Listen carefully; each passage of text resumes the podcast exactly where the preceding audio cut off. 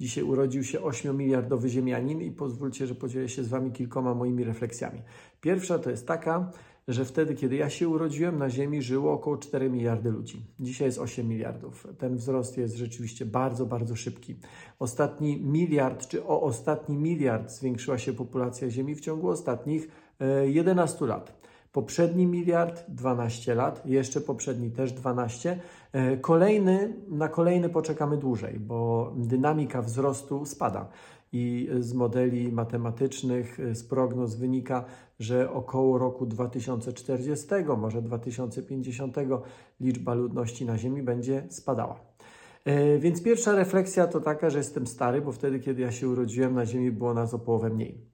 E, druga to jest pytanie, które bardzo często w tym kontekście jest zadawane: czy Ziemian jest za dużo? Mm, I w zasadzie prawie zawsze pada odpowiedź, że tak, że nas jest za dużo, że wywieramy zbyt dużą presję na Ziemię, że zasoby odnawiają się za wolno, że w skrócie Ziemia nie jest w stanie wykarmić, gdzie to słowo wykarmić, ona ma tutaj szersze znaczenie niż tylko i wyłącznie produkcja samej żywności, nie jest w stanie wykarmić tak wielu osób. I bardzo często, gdy padają tego typu stwierdzenia, e, w obrazku pokazywane są osoby biedne, osoby z krajów afrykańskich czy z Azji, e, z południa Azji, e, z południowego wschodu Azji, Indie, Pakistan, ale, ale także, znaczy generalnie ludzie biedni. I pada albo wprost taka sugestia, albo, e, albo to pozostaje gdzieś tam tylko niedopowiedziane, że tak, nas jest za dużo, bo za dużo jest tych w Afryce, za dużo jest tych w Azji, że to oni są odpowiedzialni za tą nadmierną presję i to trzeba by coś zrobić, żeby to ich było mniej. Ja zawsze bardzo boję się takich stwierdzeń, bo one mi przypominają e, stwierdzenia pewnego pana z takim małym wąsikiem, który też w zasadzie chciał tylko i wyłącznie powiększenia przestrzeni życiowej dla swoich. E, tym bardziej, że to nie ma absolutnie uzasadnienia w statystyce i faktach. Gdy spojrzy się na na przykład na emisje, emisje skumulowane, czyli nie związane tylko i wyłącznie z produkcją energii elektrycznej, ale także z transportem, czy w ogóle, w ogóle z rozwojem cywilizacyjnym, to najbogatszy miliard na tej planecie jest odpowiedzialny za około 40% emisji dwutlenku węgla.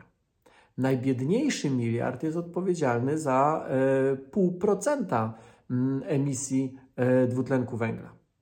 Kto w takim razie wywiera za duży nacisk? Nawet jeżeli byśmy wzięli nie najbiedniejszy miliard, tylko najbiedniejsze 2 miliardy, 3 miliardy, 4 miliardy ludzi, to oni dalej emitują czy wywierają dużo mniejszy nacisk na naszą planetę niż najbogatsi. To nie najbiedniejszych jest za dużo, to najbogatsi mają za dużo.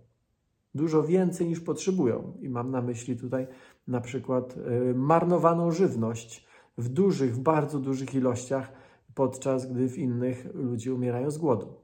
Więc gdy pada pytanie, czy nas jest za dużo, moja odpowiedź jest nie, raczej mamy za mało serca. Y, my bogaci w Europie, mm, w e, Ameryce Północnej. Y, I to jest druga refleksja. I jeszcze trzecia. E, gdy pomyślę o tym, ile osób e, na świecie nie ma szansy rozwinąć się intelektualnie z powodu braku edukacji, to e, przychodzi, to, to dochodzę do wniosku, że to jest największe marnotrawstwo, jakiego się dopuszczamy. Nie wykorzystujemy potencjału 8 miliardów ludzi. Wykorzystujemy potencjał może kilkuset milionów.